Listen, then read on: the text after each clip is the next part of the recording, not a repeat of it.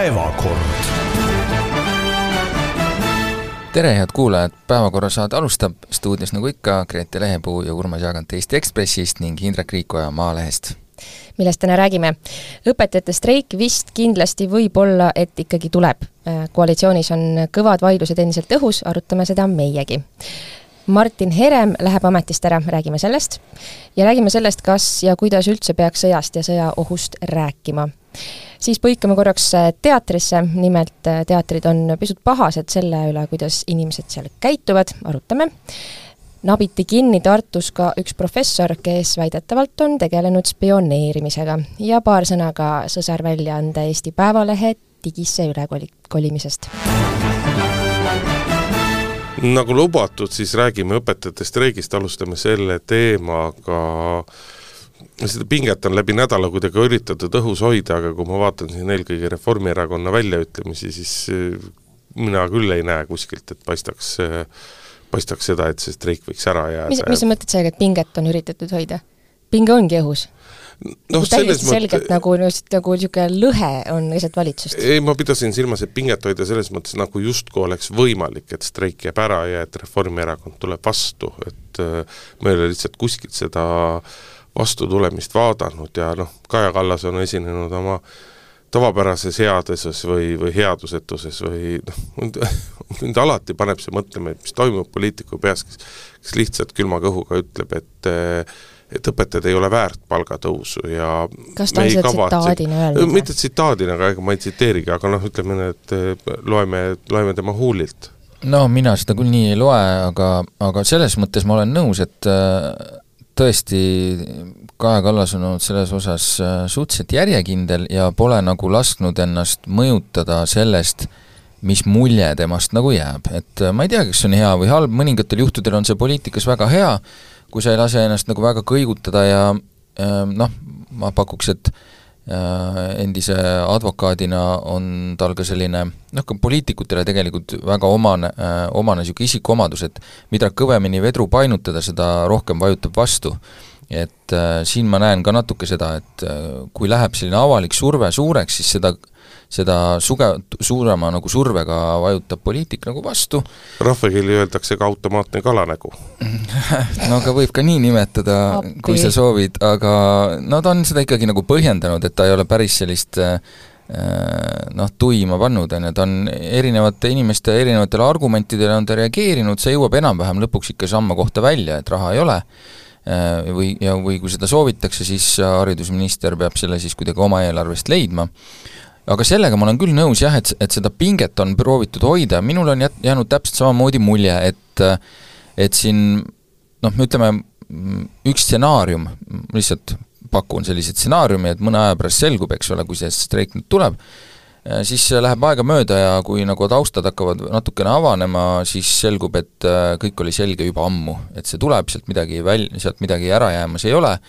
aga lihtsalt, et äh, avalikkuse ees oleks näha, et poliitikud äh, võitlesid unetundide arvelt, viimase hetkeni proovisid mingit kokkulepet saavutada, aga näete, ei tulnud välja et noh, see natuke sellist muljet jätab, ma võib-olla ma eksin, võib-olla sellist asja ei ole, aga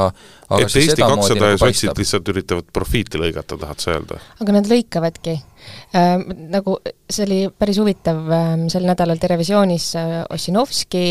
oli ja kas ta kordas seda ka Esimeses stuudios, aga ega igatahes äh, kahel korral on nagu läbi jooksnud see äh, lause, et noh, see kümme miljonit, see on nii väike raha, see on täiesti mõttetu summa tegelikult, et kui tahaks, selle leiaks kohe riigieelarvest üles.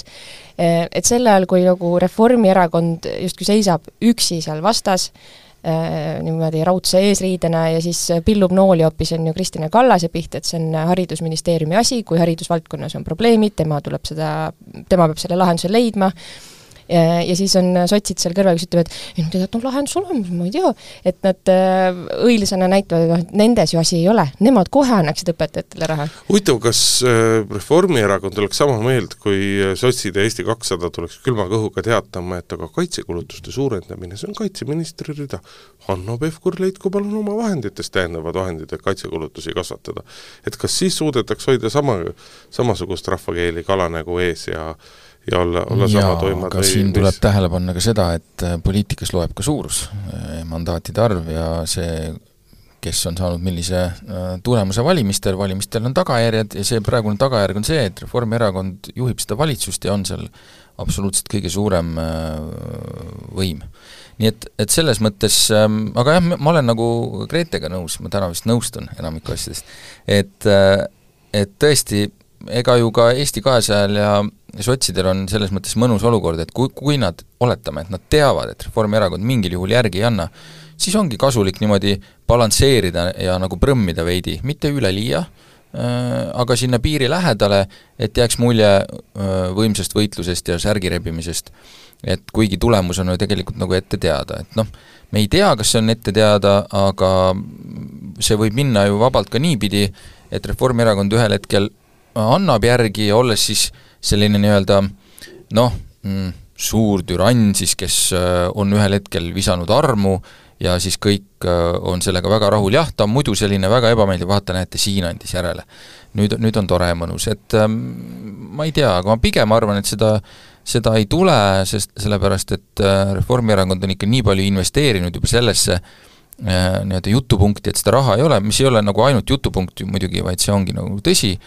et, et ma ei näe neid selle nagu mäe otsast äh, ise nagu alla ronimas. et äh, selles mõttes noh, on raske näha, et see ära jääb, tõesti, mul on mõnda aega tundunud, et äkki, äkki siin tehakse sellist kavalat nagu etendust meile, et et see lõpeb lõpuks mingi kokkuleppega noh, siin nii-öelda viimasel tunnil tundub, et äh, vist siiski mitte, aga ma ei ole lõpuni maha matnud seda võimalust veel. sest ega Haridustöötajate Liit äh, mainis ju ka, et noh, tegelikult tõesti, et kui see raha leitakse, kui tullakse vastu, on ju, ega me siis me ju ei pea streikima, mis on nendest nagu mõistlik. aga ma tahtsin võib-olla nagu veerand sõnaga Kaja Kallase kaitseks, et see ei ole tema isiklik äh, positsioon kui sa Jürgen Ligi kuulad näiteks, kuidas ta räägib, siis see on noh, tundub nagu ikkagi Reformierakonna no, see oli ikka veel nagu... hirmsam, kui sa viitad kolmapäeva õhtusele telesaatele, kus erakondade esindajad, Jürgen Ligi oli ikka päris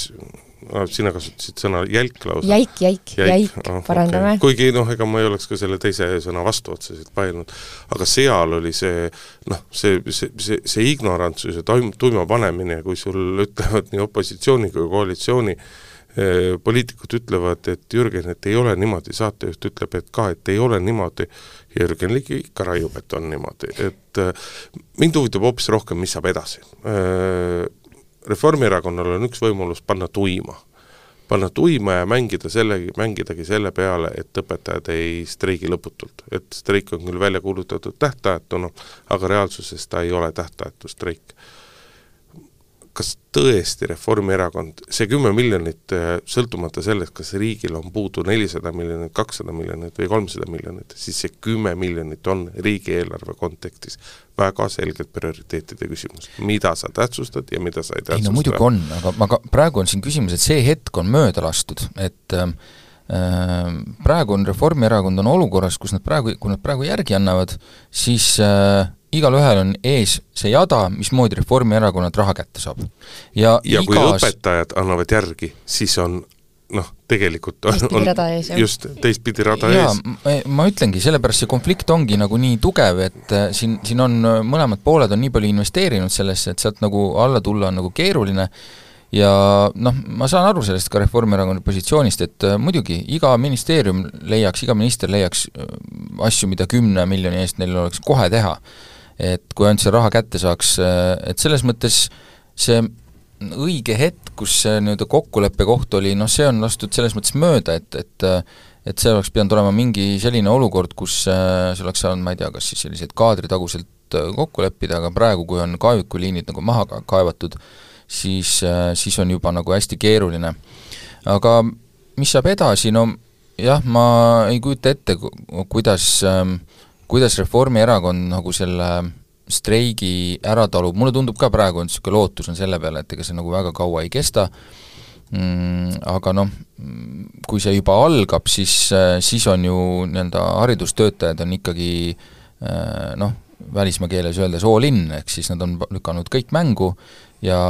kas sealt enam, kui nüüd mingisuguse paari päevaga nirult siis nagu tagasi kõmpida midagi saamata, et et äh, noh, see oleks ikka nagu väga valus. haridustöötajad peavad väga selgelt aru saama sellest, et kui nad streikima hakkavad, siis nad peavad olema valmis lõpuni välja minema, sellepärast et vastasel juhul äh, noh, vastasel juhul saab neist hiljem iga hetk üle sõita. kurb on lihtsalt see, et noh, ma saan aru, need sõnad on õõnsad, aga selles osas on ju kõigil õigus, et see streik käib tuleviku nimel, see streik käib selle küsimuse ümber, kas meil tulevikus on õpetajaid, meil juba täna on õpetajatest nii tuline puudus koolides. aga kuidas, mis saab tulevikus, kas noored tulevad rohkem kooli tööle või käivad noored, saavad erialase hariduse ja siis leiavad endale muud väljakutsed äh,, et, et kaalul on tõesti palju ja, ja nädal või paar streiki suudab siiski lapsi ja nende nii-öelda selle õppeaasta hariduskäiku väga tugevalt mõjutada. üks teine teema veel meil päevakorras, mis haakub äh, tegelikult äh, õpetajate streigi küsimusega, mis on minu jaoks äh, väga üllatav areng. Mäle-, kui te mäletate, siis oli meil niisugune hetk, kus üsna ootamatult kuskilt äh, ilmselt ka nagu hea töö tulemusena haridusminister siis leidis äh, tsipa üle viie miljoni oma ministeeriumi seest, mida siis õpetajatele palkadele, palkadele lisaks äh, välja võiks maksta ja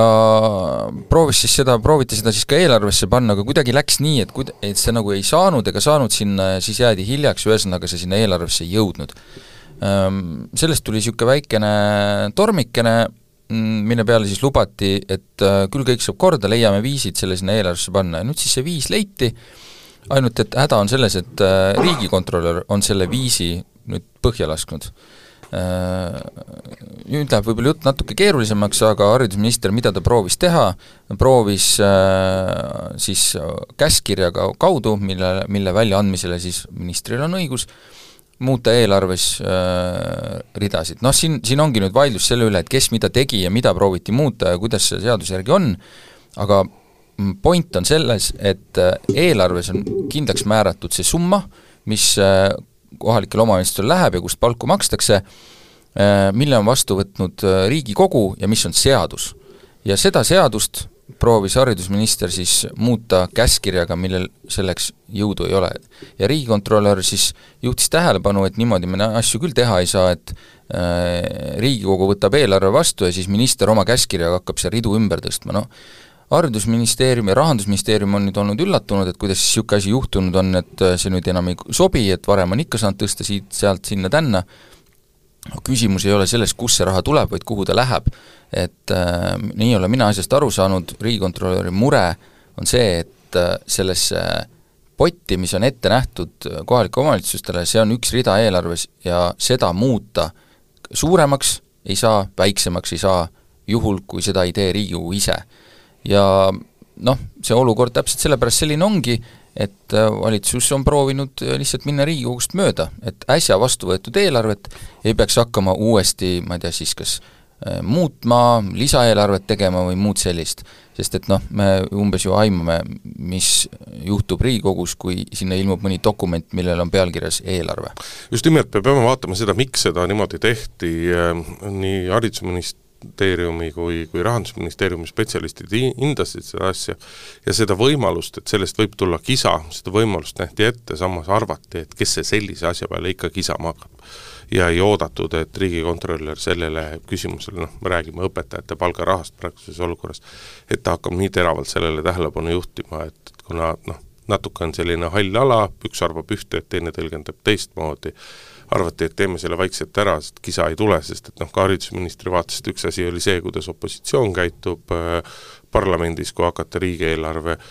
riigieelarve seaduse muutmise seadust menetlema, aga natukene oli Eesti kahesajal hirm ka, et võib-olla ka Reformierakond nii et ta ei lase seda nii lõdvalt läbi, vaid üritab ka omajagu natukene hagu alla anda, et eh, tuld kardeti mitmest suunast ja arvati, et kui niimoodi ära teha, siis asi eh, noh, kes see ikka nii ülla eesmärgi pärast kisama hakkab, aga näed, läks teisiti Mm, vabandage minu asjatundmatust võib-olla, aga kui meil on hetkel nagu olukord, kus tegelikult äh, sotsid, Eesti kakssada, ma saan aru, Isamaa, tundub nagu EKRE ka, kõik tahaksid õpetajatele raha juurde anda. ja siis meil on nagu asutus, mis teeb seaduseid, ehk Riigikogu. et kas ei saa teha nagu mingisugust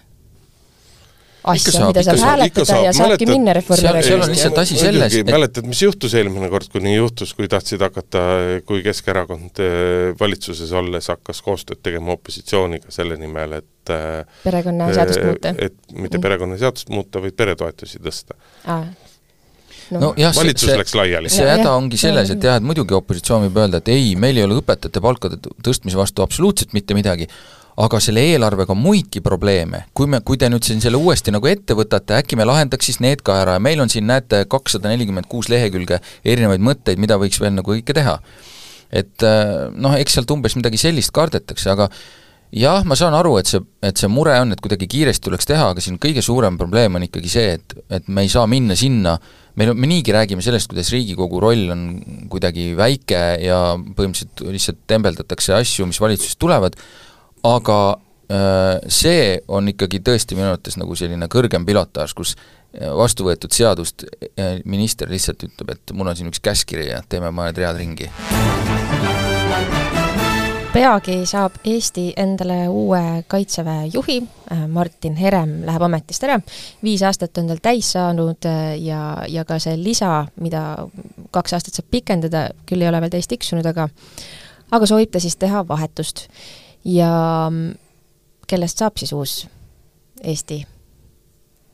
sõjapealik, kui nii saab öelda?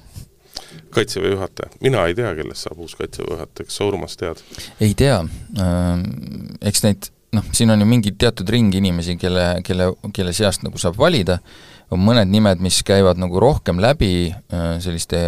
potentsiaalsete kandidaatidena, noh, mis teeb selle võib-olla natukene lihtsamaks, kui näiteks ma ei tea, ennustada Euroopa Komisjoni, ma ei tea, uut presidenti või muud sellist. et siin on sa ikkagi vihjad sellele, et me tunneme neid inimesi? ei, ma vihjan sellele, et äh, siin on nagu auastmete süsteem ka kõrval, et, et päris igaüks nagu ei saa, et, et me saame vaadata teatud, teatud ohvitseride ringist neid, neid võimalikke kandidaate, no kõige rohkem räägitakse ikkagi Veiko Vello Palmist, kindralmajor, kes siis on üsna hiljuti saanud vastloodud diviisi juhiks. Mm, ja siis räägitakse ka Kaitseväe Akadeemia ülemast brigaadikindral Vahur Karusest, kes on siis sellised nii-öelda no ma ei tea, favoriidid või, aga noh, see ei pruugi nii minna, meil on ka teisi kõrgeid kaitseväelasi, näiteks äh, siin mereväe juht ja nii edasi, et ähm, kellel ja meil on ka, kiputakse tihti ära unustama neid kõrgemaid äh, kaitseväelasi, kes on parasjagu kuhugi äh, Eestist välja roteeritud, eks nad on kuskil NATO struktuurides või kuskil mujal, kes, kes nii-öelda võiksid ka valikus sees olla, nii et aga kas praegu on olulisem rääkida sellest, kes on uus Kaitseväe juhataja või peaksime me tänases olukorras, kus Euroopas on käimas sõda, rääkima ka sellest, miks Martin Herem tagasi astub äh, tagasi vaadates, siis Heremi viieaastane ametiaeg sai läbi tegelikult eelmise aasta detsembri alguses ja sellest omakorda aasta varem, kui oli teada, et äh, ametiaeg on aasta otsa alles jäänud, siis äh, nii-öelda kinnitati, et Heremi ametiaega pikendatakse kaks aastat, Kaitseväe juhataja ametiaeg on viis aastat, mida on võimalik kahe aasta võrra pikendada. Kui see just nüüd on alanud, siis miks Heremil on vaja minna nüüd pool aastat pärast nii-öelda selle pikendatud aja algust, ehk sisuliselt poolteist aastat ennem oma ametiaja lõppu, olukorras, kus Eesti peab väga selgelt oma nii-öelda kaitsevõime kasvatamisele keskenduma, et miks ikkagi selline ajastus, see noh, see mõjub pentsikuna ma ei tea, ma arvan, ta on väsinud. et äh, see, see ei ole lihtne vanker, mida eest lükata ja tõmmata. ja, ja kui kuulata näiteks Riho Terrase hinnangut tema tööle, siis ta ütleb ka, et ikkagi palju on ära tehtud selleks, et ajateenistus oleks parema mainega, et sinna tuleks äh, rohkem äh, inimesi kohale, keda kutsutakse, ähm, noh, me, me näeme kõike, mis, mis rattad kõik pöörama, pöörlema on pandud ja kui palju raha ja investeeringuid on tehtud, et ta on teinud ära palju tööd, ta on näinud palju vaeva ja, ja kuuldavasti ka, ka välismaal äh, Eestit väga heast küljest näidanud, meile, meile, meie sõprus- ja liitlassuhteid hästi hoidnud. et ma, miks, miks peab inimene viimse vindina nagu pingutama, kui ta tahaks puhata. ja teiseks, mis äh, nüüd suvel tuleb, on niikuinii suurem ametikohtade rotatsioon, ehk siis see on nagu ka loogiline moment, on ju. ja vaata, see ega meil nagu Peipsi taga Venemaa ei ole üles rivistanud oma brigaade, et, et selles mõttes ei ole ju vahetut ohtu Eestile ja, ja kaitse võimekus Eestil ei püsi ju ühe mehe õlgadel jällegi, et, et ma arvan, et on, ta saab oma asjad üle anda ja, ja need kõik jätkuvad. jah, selles mõttes ma olen selle kõigega nõus, ainult üks, üks niisugune väike aga on minu jaoks, et tõepoolest, et kui kui see kõik nii on, siis ma küsiks niimoodi, et mis on teistmoodi võrreldes selle hetkega, kui ta pikendust sai oma ametisse? et kui see olukord on kõik sama,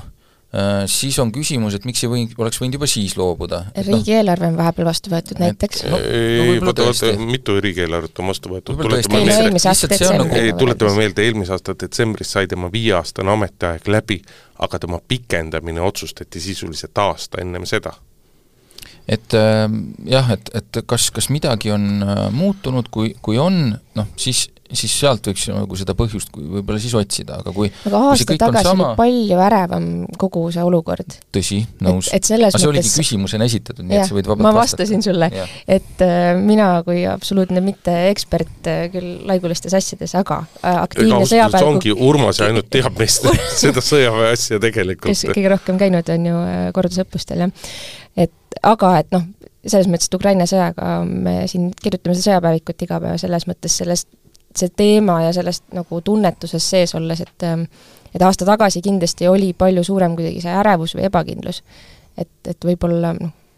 see, ma, ma ei tea, no sul võib olla õigus ja see, see, mida on öelnud ta ise põhjenduseks, et äh, noh, parem praegu, kui siis oodata need veel mõned aastad äh, või mis tal seal jäänud on, poolteist aastat, poolteist aastat, ja noh, kes teab, mis olukord siis on, et mhm. kas hakata siis tegema, et see tundub mulle täitsa nagu arukas. et äh, kui siis on niisugune stabiilsem hetk, et siis see nagu teha, aga jah, eks mõningad küsimused jäävad, aga noh, tihti kipub see olema nii, et see kõige lihtsam põhjus võib olla kõige tõenäolisemalt õige, ehk siis inimene nüüd otsustas, et on, on see paras hetk, tol hetkel see ei olnud paras hetk ja ongi, ja ongi selle nii-öelda äh, asja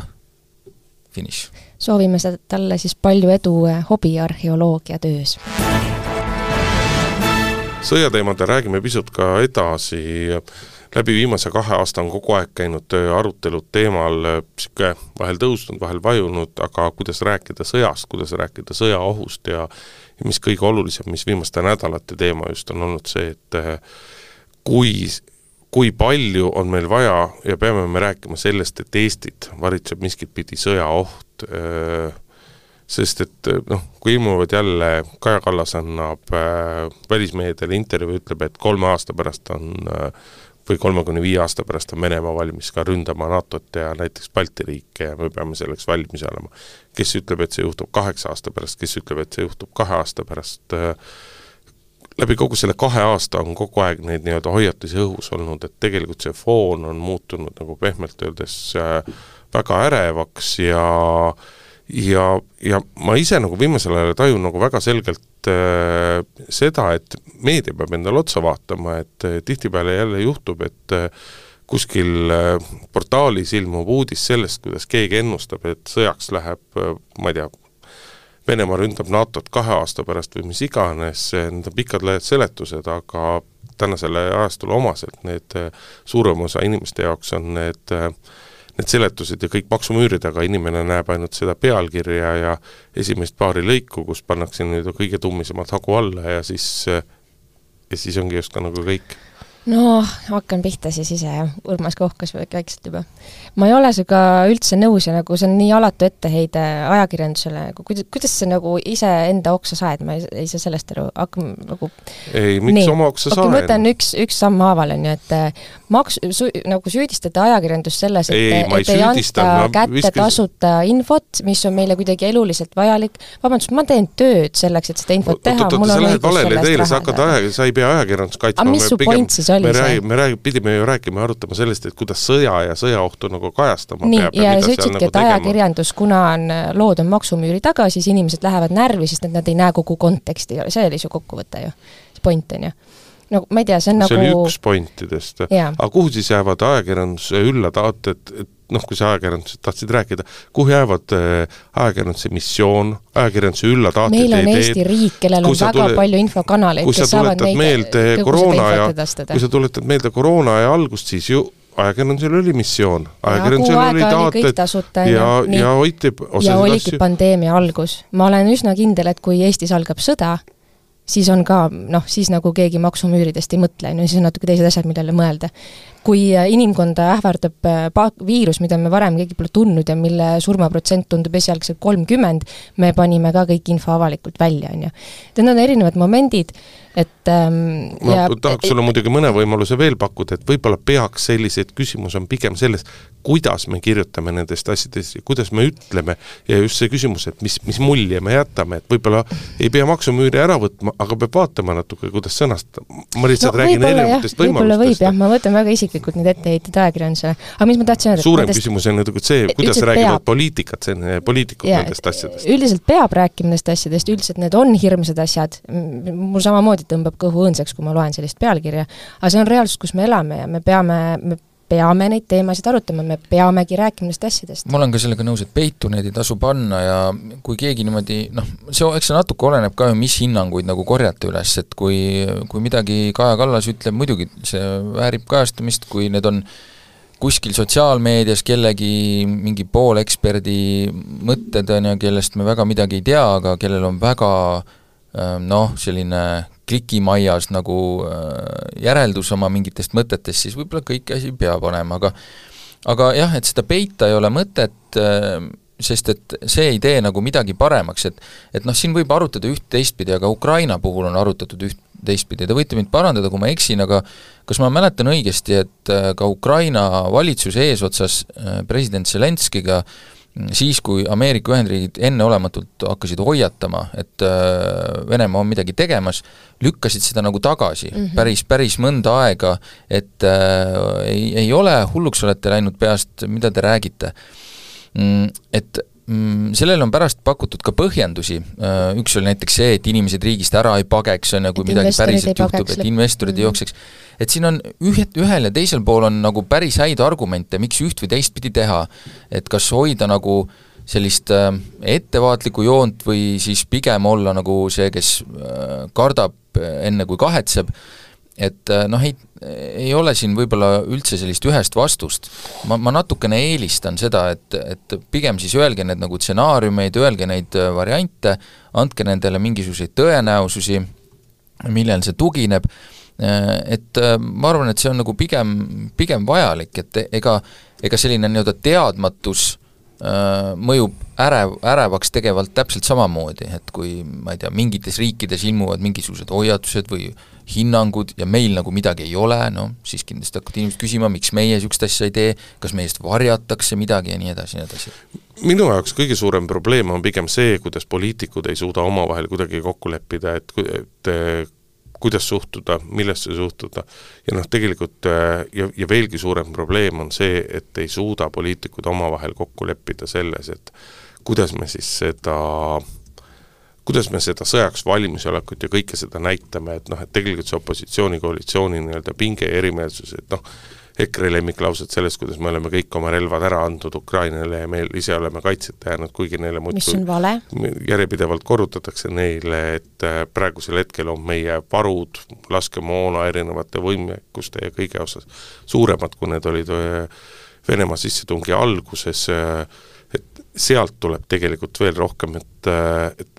mida oleks vaja kõige rohkem, on, on pigem sellised nii-öelda selged ja lihtsalt arusaadavad sõnumid ja mitte sellised, noh, sa tõid ka välja see, et leitakse selliseid poolkõvasid sõjaspetsialiste ja siis neid mõnuga tsiteeritakse ja nii edasi, et et, et sellist asja kõike võiks nagu olla vähem. jaa, aga ma olen sellega nõus jälle äh,, ainult et opositsioonil üks asi, kriitikat ei tohi nad ikkagi unustada, et äh, ma, ma pean ka õigeks seda, et äh, ka sõjas, sõja ajal või selle eel või nendel teemadel peab saama valitsust kritiseerida, äh, asjalikku kriitikat ma pean silmas, äh, ja ka otsuseid äh, vaidlustada, panna lauale alternatiive ja nende üle arutada, et, et ka see on nagu hästi oluline. et üldises plaanis, mida rohkem me teame, lõpuks seda parem ikkagi on, sest informeeritud inimesed saavad teha paremaid otsuseid kas, kas te seda mainisite, et korraks läks mõte rändama mujale? sa üldse ei kuula? ma üldse ei kuulanud teid hetkel, aga ma jäingi mõtlema selle peale, et tegelikult on ju nagu kontekst on oluline, et kõiki uudiseid, mõelge korraks, mis on see kontekst, kuhu see, kuhu see infokild langeb. et kui Kaja Kallas käib rääkimas välismaal, siis äh, tema auditoorium ongi, ma ei tea, teised riigijuhid, NATO otsustajad ja nii edasi. sina saad aru, mina saan aru, Urmas saab aru, aga lihtne inimene ei saa sellest aru ja ei hakka kunagi me, saama. me nüüd, me nüüd nõustame, et, et nii tuleb lugeda seda. sellepärast, ja see, ja selles mõttes see, see töö, noh, mäletate siin ähm, kaks tuhat kakskümmend kaks vist sõja alguse poole, kui Kallas ütles äh, välja samamoodi kuskil rahvusvahelises väljaandes, et äh, NATO praegused kaitseplaanid Eestile tähendaks seda, et Tallinna vanalinn oleks nagu kolme tunniga hävitatud, kui me vaatame seda, kuidas äh, Venemaa käitub, on ju, Ukrainas, meil on vaja uusi plaane. see oli jõhker, on ju, šokk meile ühiskonnana, et appi, me ei olegi kaitstud, aga keegi pidi selle välja ütlema, et neid plaane muudetaks ja neid on, need on muutuses, need plaanid ehmatasid ära, et lähme sõja pealt kultuurile või? ma, ma püüdsin äh, leida mingisugust äh, sujuvat, sujuvat üleminek. üleminekut, äh, noh, võib-olla siis ütleme, et ähm, kerge sõnalahing on käimas siin Tiit Ojasoo ja Eesti rahva vahel. Ähm, nimelt siis oli selline juhtum, kus ähm, Tiit Ojasoo ärritus teatripubliku peale ja, ja enne etenduse teist vaatust läks lavale ja pidas pisukese epistli sellest, kuidas peaks käituma, kuidas peaks võtma, noh, tervitama, aplodeerima orkestrile ja, ja mida ta ka arvab sellest, et inimesed istuvad ninapidi telefonides. Ja selle peale siis äh, Rahvastele vastas äh,, Õhtuleht avaldas ühe inimese arvamuse, et nagu tema on ju teatripileti eest maksnud, ta teeb, mis ta tahab seal teatris, ta on ostnud endale selle koha ja selle õiguse seal olla ja, ja kuidagi äh, nüüd ongi õhku kerkinud, et kas Eesti matsirahvana on nüüd teatrisse jõudnud ja käitub seal vastavalt oma tiitlile. Äh, ja tegelikult ma peaks ütlema, et äh, pigem jah, äh, mina olen hästi suur teatris käija ja väga pikka aega juba ja väga väiksest saati juba ja kuidagi, kui ma mõtlen sellele, mis rahvas mind ümbritseb läbi nende aastate, siis järjest enam tõesti tuleb teatrisse inimesi, kes kelle jaoks ei ole elementaarne panna jalga viigipüks või, või kammida ära tukk ja ja kuidagi, et see, see teatrisse minek ei ole selline sündmus, mida ehtida pärlitega, vaid et see on nagu olukord, kus sa vupsad läbi, enne kui sa teleka ette koju tagasi lähed miks see peaks sündmus olema, ma ei, mina viimastel aastatel tõsi, vähem käinud teatris, aga, aga varasemalt äh, tunduvalt ikka ka päris palju käinud teatris. ja mind on alati see selles mõttes natukene nagu imestama pannud, et äh, sa oled see teksapükstega käija, jah? jah, muidugi. et äh, ma, ma ei, ma ei taha rääkida ebaviisa-, õigustada ebaviisakust mm -hmm. ja nii edasi, aga kui ma võtan kätte raamatu ja loen raamatut või vaatan äh, filmi, ärme ütle siis igasugust filmi, vaatan võib-olla mõnda siis nii-öelda kvaliteetfilmi, kas ma siis pean ka viigipüksid jalga panema või? ei pea, sellepärast et raamatu autor no, kui ma kunstinäitusele lähen, siis pean ka viigipüksid ja lipsu ette panema, miks okay., miks, miks? küsi-, küsimus on selles, et äh, mulle tundub, et need asjad käivad nagu käsikäes, et äh, kui sa otsustad, et äh, noh, see ei ole mingisugune lipsuga üritus, siis äh, sa ei distsiplineeri ennast võib-olla ka hoiak, võib-olla sina isiklikult seda teed, aga et, ähm, et kuidagi on tekkinud see, tõesti see niisugune nagu mm, lihtsalt jälg, järjekordne tarbimiskogemus, on ju. et, et ei arvestata sellega, et näitleja ka lavalt näeb, mis sa teed tegelikult publikus. näitlejal läheb ka sõna sassi, kui telefon heliseb. oi, kui närvi mind ajab, kui telefon heliseb saalis. aga võib-olla Tiit Ojasoo peaks hoopis enda käest, enda käest küsima, et miks ta on teinud sellise etenduse, et kui inimesed tulevad saali seda vaatama, siis see etendus ei köida neid. ei no köida ei. neid nii palju, ei, ma, ma pakun lihtsalt ühe hüpoteesi välja, et et neil hakkab igav seda etendust vaatama. ma arvan, asi ei ole selles. no jaa, aga no, me ei tea aga kui seal oli juba vaheaeg, nagu kui sind ei köida, mis sa sellest teisest poolest lõpuni vaatad, või sa tahad ikkagi täisteenindust saada ei, edasi, et sa pead oma pileti eest ära maksma selles mõttes? aga vaata, sa ei tea, aga võib-olla need inimesed, keda ei köi, osad inimesed, keda ei köitud, olid juba ära läinud, sellepärast et ta ju tegi, kui ma õigesti aru saan, siis ennem teist vaatust vaheaja lõpus tegi oma, esines oma statement'iga no mina ei tea, millal see seal täpselt oli, aga no mina vaatan seda asja niimoodi, et äh, kui jah, kui näiteks ka, kui sind kuhugi kutsutakse, siis äh, mingisugune, mingisugune äh, nii-öelda võiks kuidagi väljenduda see, et äh, et sa hindad pingutust, mida on tehtud äh, selle poolt, kes on sind kas külla kutsunud või kes on sinu jaoks midagi nii-öelda ette valmistanud. Et äh, selles mõttes äh, ma arvan, et see on noh, see on kindlasti muutumises, me ei saa sinna nagu lõpuni midagi parata, et ega lõpuks ei loe ju see, et kuidas sa nagu välja näed, vaid põhimõtteliselt ikkagi see, kuidas sa käitud, et see on jah, natuke on see selle osa, aga kedagi, ma arvan, ei häiri, kui sa tõesti seal äh, teksades istud, aga sa tead, millal millal tuleb äh, aplausi pidada, millal, millal on õige hetk püsti seista, millal on õige hetk vait olla, et kui sa neid asju tead ja oskad seal käituda, siis ma arvan, ei häiri need teksapüksid ka mitte kedagi. Mm, et äh, selles mõttes äh, see täitsa nõus sinuga. ülalpidamine on põhimõtteliselt ikkagi see, ja see, kui mõni inimene niimoodi nähvab, noh, et tema ootab klienditeenindust, äh, sinna võib-olla ei saa midagi parata, kes teab, kas ta, kas üks või teine inimene satub teatrisse vabatahtlikult või ma ei tea, lahutuse ähvardusel, seda me ei tea, aga lihtsalt me ei saa seda üldistada nagu kogu publiku peale, kui kui mõned inimesed isegi ei äh,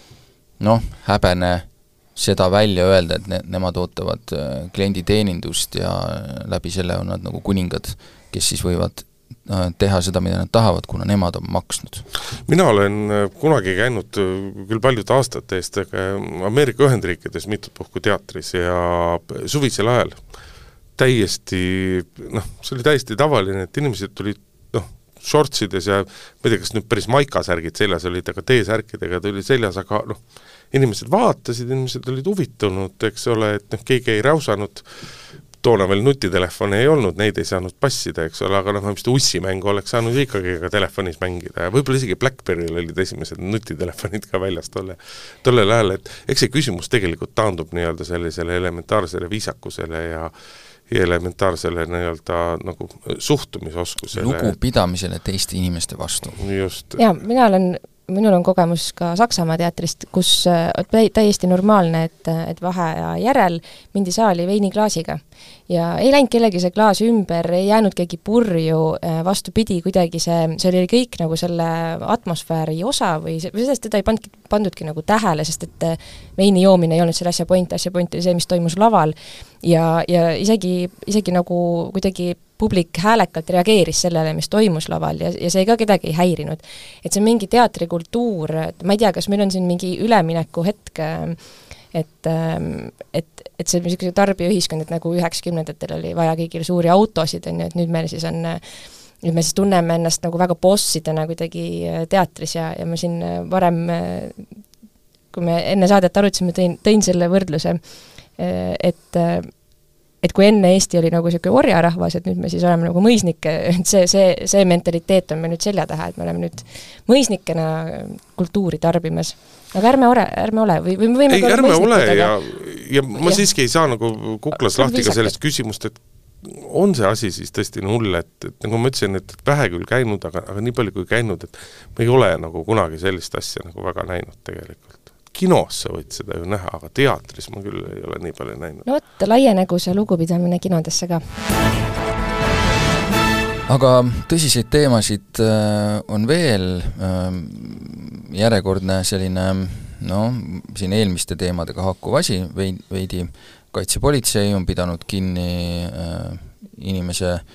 nimega Vjatšeslav Morozov, kes siis äh, töötas Tartu Ülikoolis rahvusvahelise poliitilise teooria professorina ja kahtlustab teda siis äh, otse öeldes Venemaa heaks luuramises ja ta on siis vahi alla võetud äh,. Selles asjas ju muidugi meil ei ole veel mingit kindlust, kas see asi nii on äh,, küllap ta peab jõudma kohtusse, kohtuotsusest me tõenäoliselt, või istungist tähendab, kui see ühel hetkel toimub, me paraku ilmselt midagi väga teada ei saa, küll aga tea, saame teada otsuse, ka seda, ka seda üsna lühidalt aga karm juhtum äh, nii või teisiti on tõstnud siis küsimuse sellest, et ähm, mis ikka sellistel juhtumitel kerkib, et kuidas siis ikkagi meil on nende äh, luurajatega, ähm, üks asi, mida siin kindlasti saab öelda, et äh, meil vahel on kajastatud ka juhtumeid naaberriikidest, kus tabatakse luurajaid, aga minu, mulle küll tundub, et Eesti paistab siin, Eesti kaitsepolitsei paistab siin ikka väga kõvasti silma, ma ei teagi, vahel tundub see juba nagu lausa piinlik, et äh, meil neid kahtlus, kahtlust äratavaid juhtumeid. Ja ma ei tea, kas mõni üldse õigeks on läinud, ma hakkasin ka praegu samale mõtlema, et kas mõni äh, luuramises kahtlustatav inimene on nagu õigeks mõistetud no ma eeldan, ma eeldan, et see on nii karm asi, et seal, äh, seal kaitsepolitsei ehku peale välja ei lähe. et ega see ei ole mõni Politseiameti peadirektor, keda võib nüüd ehku peale rappida, eks ole. jah, hea võrdlus, aga tõesti, et ähm, muidugi on siin väga häiritud sellest juhtumist ka ülikooli rahvas, akadeemiline rahvas ja üks selline pidev ähm, nagu seisukoht või niisugune hüüatus, mida ma märkan, et poleks iial arvanud ja ta, inimene ei ole jätnud kuidagi sellist muljet, siis äh, see natukene ikkagi on küsimus sellest teadlikkusest. ei, küsimus ei ole teadlikkus, tegelikult see on, on nagu nii küsimus. jabur ütlus, et kuulge, et mis te siis nagu lootsite, kas te tõesti te loodate, et tuleb luuraja ja kõik saavad kohe aru, et just, et ta on luuraja, et, et miks niisuguseid lapsusi on vaja öelda? et kas te mõnda spioonifilmi pole, pole näinud, et no. kui ma selle inimese silma vaatasin läbi siis arvutiekraani pildi peale, siis mõtlesin, et see täpselt ideaalne selline, kui ma kujutan ette mingit spioonifilmi või kui te mõtlete selle Eesti sarja Reetur peale, noh, Tambet Tuisk on ju täpselt selline, no Tambet Tuisk võib-olla isegi on silmajäävam juba, on ju, aga peabki olema täiesti tavaline inimene, on ju. aga teine asi, mis, mis mind võib-olla selle teema juures äh, natuke paneb nagu kulmu kortsutama, on siis kohe see arutelu, et no vot, näete, sellepärast me ütlemegi, et Venemaalt ei tohi ühtegi inimest äh, ülikoolidesse lasta äh, ei professoriks, ei, ähm, ei õpilasteks mis nagu siin on kaks asja minust sassi läinud, et äh, sõja tõttu tuleb neid piiranguid teha pisut teistel äh, põhjustel ja see on selleks, et anda märku, et me ei ole, me ei lepi selle agressiooniga, mida see riik seal korraldab, äh, aga noh, et, et see inimene, spioon oli ilmselt ammu enne sõda ja, ja kõike muud, et ja ja miks Eestis neid nii palju tabatakse, no meil on siin ju, meil, meil siin on, mida tahetakse luurata, on ju. Noh, küllap on ka Lätis ja Leedus, aga, aga lihtsalt kuidagi ei jäänud silma, võib-olla tõesti pole kõik juhtumid ka nagu jõudnud selleni, aga Äh, lihtsalt tervikuna äh, ühtpidi on nagu hea meel, et, äh, et see teema kogu aeg tõuseb, see kindlasti tõstab inimeste teadlikkust, paraku natukene kardan, et inimestel tõstab ka paranoia taset, aga loodetavasti politsei teeb ka edaspidi sama head tööd ja ja me saame ka selles juhtumis varsti siis nagu kindlalt väita, et kumba pidi see asi on, aga kahetsusväärne igal juhul muidugi ülikoolidel on keerulisem, keeruline moment, see on nüüd siis vist juba kolmas ülikooli töötaja, on ju, kes äh, selle kahtlusega on vahele võetud, eelnevalt kaks olid äh, TalTechist, kui ma ei eksi ähm, siin kindlasti ja Hiina kasuks luuramisega.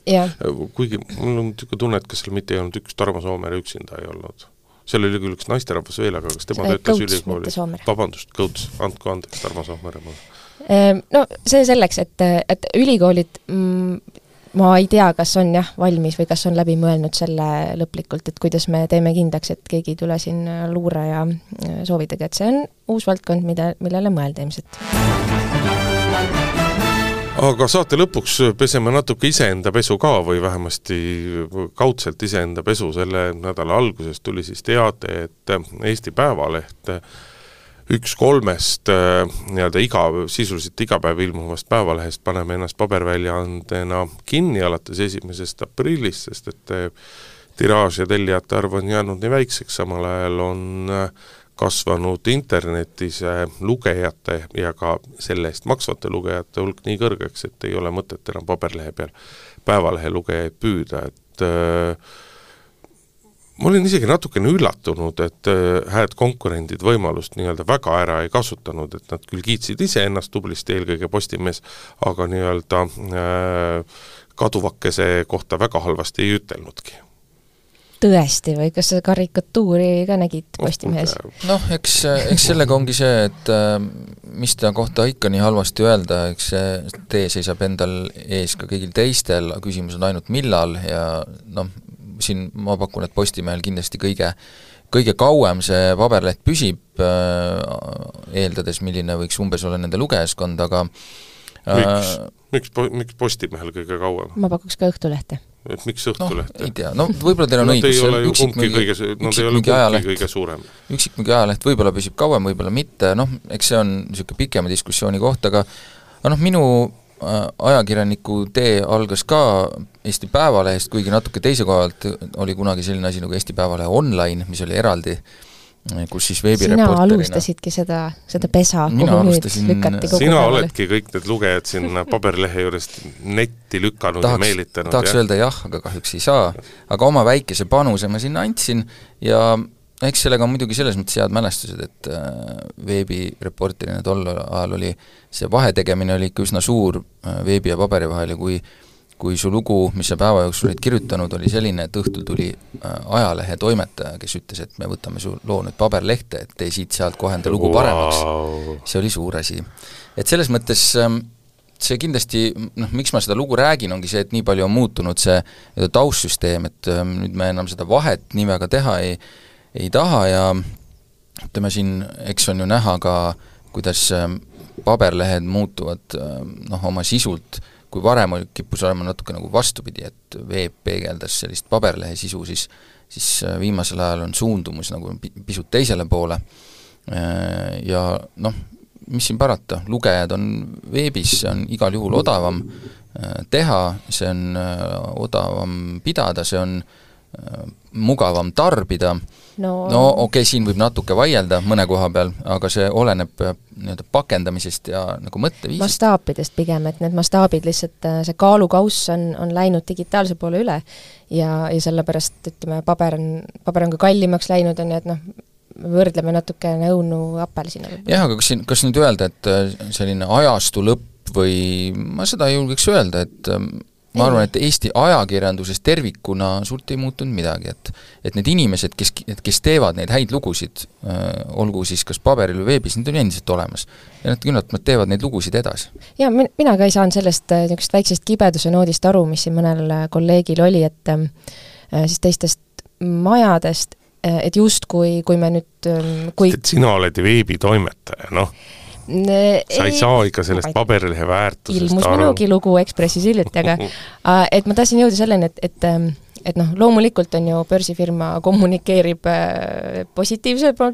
positiivselt on ju oma seda mm, uudist, ehk siis öeldi, et noh, me kasvame digitaalselt, on ju, ja siis justkui tõlgendati seda, et et, et paberilugejale pööratakse selg, ma arvan, see ei ole nii ja mitte keegi ei, ei soovi ei Õhtulehe ega Postimehe ega mis iganes paberlehe, LP jääb ju ilmuma ja Maaleht ja Ekspress ka paberil ilmuvad, et keegi ei soovi ju selle kadumist äh, nagu kunstlikult kuidagi või et et me kuidagi äh, laidaksime nüüd paberit. ma arvan, ruumi on kõigile, lugejaid ongi kõigile, on neid, kes on harjunud haarama enne bussile minekut Õhtulehe ajalehekioskist ja on neid, kes on äh, sünnist saati harjunud, et uudised on ainult internetis, et mitmekesisus on see, kes super. ütleb, et äkki pöörata paberlehe nii-öelda äh, paberlehele enam nii palju tähelepanu või ei nähta sellega vaeva, no omast kogemusest võin öelda, et sinna läheb väga palju auru, et seda nagu välja anda. sinna läheb väga palju auru. see ei ole kuskile kadunud, see töö, töömaht, jah. jah, aga noh, see on selge, et loomulikult paberilehed on taandumas ja ei ole niimoodi, et on, et Postimees on viimane, kes paberi peal ilmub, et viimasena tõenäoliselt ilmuvad paberi peal minu ennustuse kohaselt Postimees, Postimees, Maaleht ja Eesti Ekspress ja kui nad lõpetavad, siis nad lõpetavad kõik koos, sest et lihtsalt majanduslikult tekib mingil hetkel see probleem, et selle paberilehe levi on nii kallis üle hoida, üleval hoida, et paberilehed ei lõpeta mitte sellepärast, et keegi ei taha enam paberlehte, vaid inimesed ei taha ja ei jaksa maksta selle eest, et see see juhtub aastate pärast, ma ei tea, kui mitme aasta pärast, aga millal, millalgi ta juhtub, aga tänasel hetkel, kui me ikkagi vaatame, siis digitellijaid äh, peale Postimehe kõik teised äh, ei ole oma digitellijate numbrist äh, saladust teinud, Delfi meedial on üle saja tuhande maksva digitellija, kokku on digitellijaid seal sada seitsekümmend, sada kaheksakümmend tuhat Eestis, tõenäoliselt nii palju paberväljaannete tellijaid ei ole olnud mitte kunagi. ma julgen kahelda selles, aga ei, ega mina ei julge, sest et kui sa jaa, hakkad noh aga noh, las no võib-olla Nõukogude, võib-olla Nõukogude ajal, aga taasiseseisvumise ajal, et kui me oleme rääkinud, et ikkagi nii-öelda suuremate lehtede tiraažid on olnud seal parematel hetkedel kuuskümmend, kuuskümmend viis tuhat, siis selle, nendest on olnud võib-olla see nelikümmend, nelikümmend viis tuhat tellijat. et kui sa võtad noh, noh, ütleme, et, et see on Ühesõnaga, suhteliselt seal Eesti lähedal. ajakirjandusel läheb hästi, sa tahad öelda? Eesti ajakirjandusel ei lähe, ei lähe väga kehvasti, sellepärast et äh, lõviosa, ei tohi unustada, et lõviosa inimesi loeb ajakirjandust tänasel hetkel internetist ja neist omakorda lõviosa teeb seda oma telefonist, mitte arvutist, nii lihtsalt on jah, kohal me peame seal olema ja peame tegelikult leidma veel äh, omakorda viisi, kuidas olla kohal sotsiaalmeedias kogu igasugu vale ja ma ei tea, mis muu mudruinfo sees. aga siinkohal lõpetame oma tänase saate ära, Urmas Jaagant, Grete Lehepuu, Indrek Riikaja olid stuudios, kuulake meid Delfist, Maalehest, Eesti Ekspressist, Delfi taskust, Spotify'st, Apple'i podcasti keskkonnast ja kus kõik mujal veel on erinevad podcastid, sealt on päevakord ka saadaval, ilusat nädalavahetust ja kohtume uuel nädalal! Päevakord